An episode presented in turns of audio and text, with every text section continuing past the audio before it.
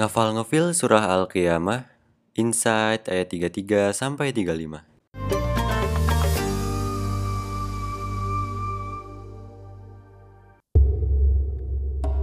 Jadi orang kafir tuh udah gak mau beriman, gak mau sholat, terus kerjaannya nyakitin Rasulullah aja.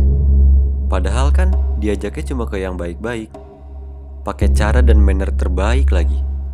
Biar apa? Biar sama-sama bisa ke tempat terbaik, yaitu surganya. Eh pas udah nyakitin, summa zahaba ila ahlihi yatamatto.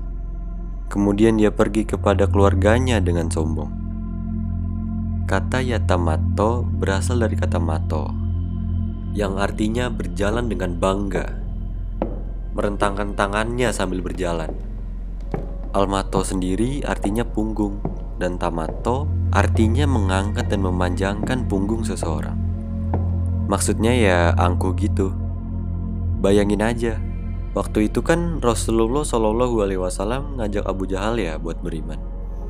Boro-boro didengerin, ajakan itu malah direndahin dan dengan muka sombongnya dia malah sumpah serapain Rasulullah Shallallahu Alaihi Wasallam dengan kata-kata paling nyakitin dan nusuk. Jahat-jahatnya lagi, dia mau tuh abisin Rasul sampai nggak berdaya kalau perlu.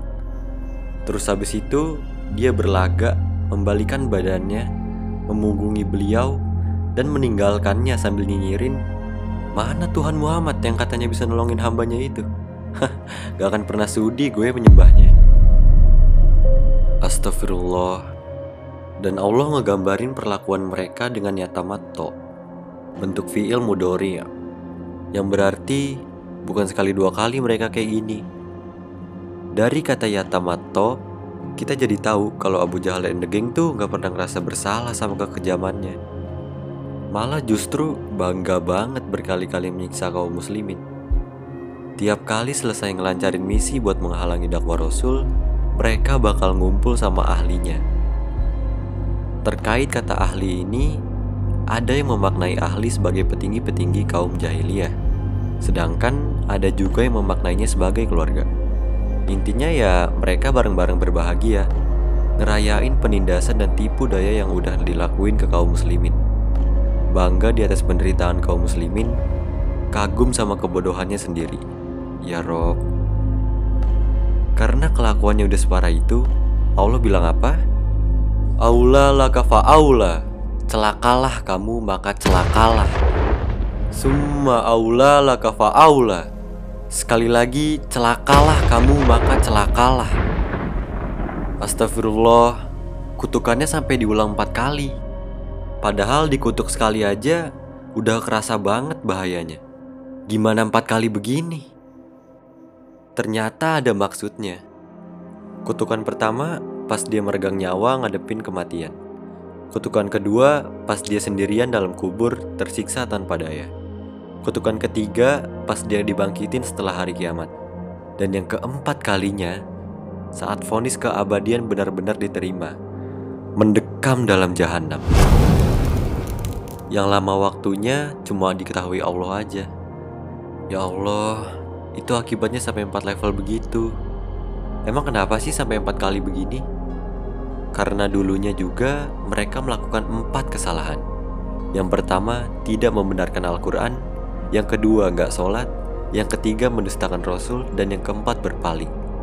Kayak di ayat 31 dan 32.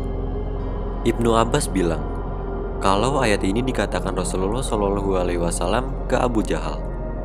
Sayyid Kutub mengisahkan, waktu itu Nabi diperintahkan Allah untuk mendatangi Abu Jahal dan menyampaikan firman ini. Celakalah kamu, maka celakalah. Sekali lagi, celakalah kamu, maka celakalah.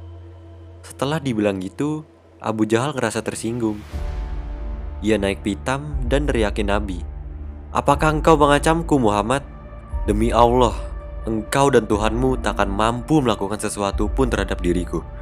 Karena aku tahu bahwa aku adalah orang yang paling kuat di antara penduduk Mekah dan aku adalah orang yang perkasa dan mulia.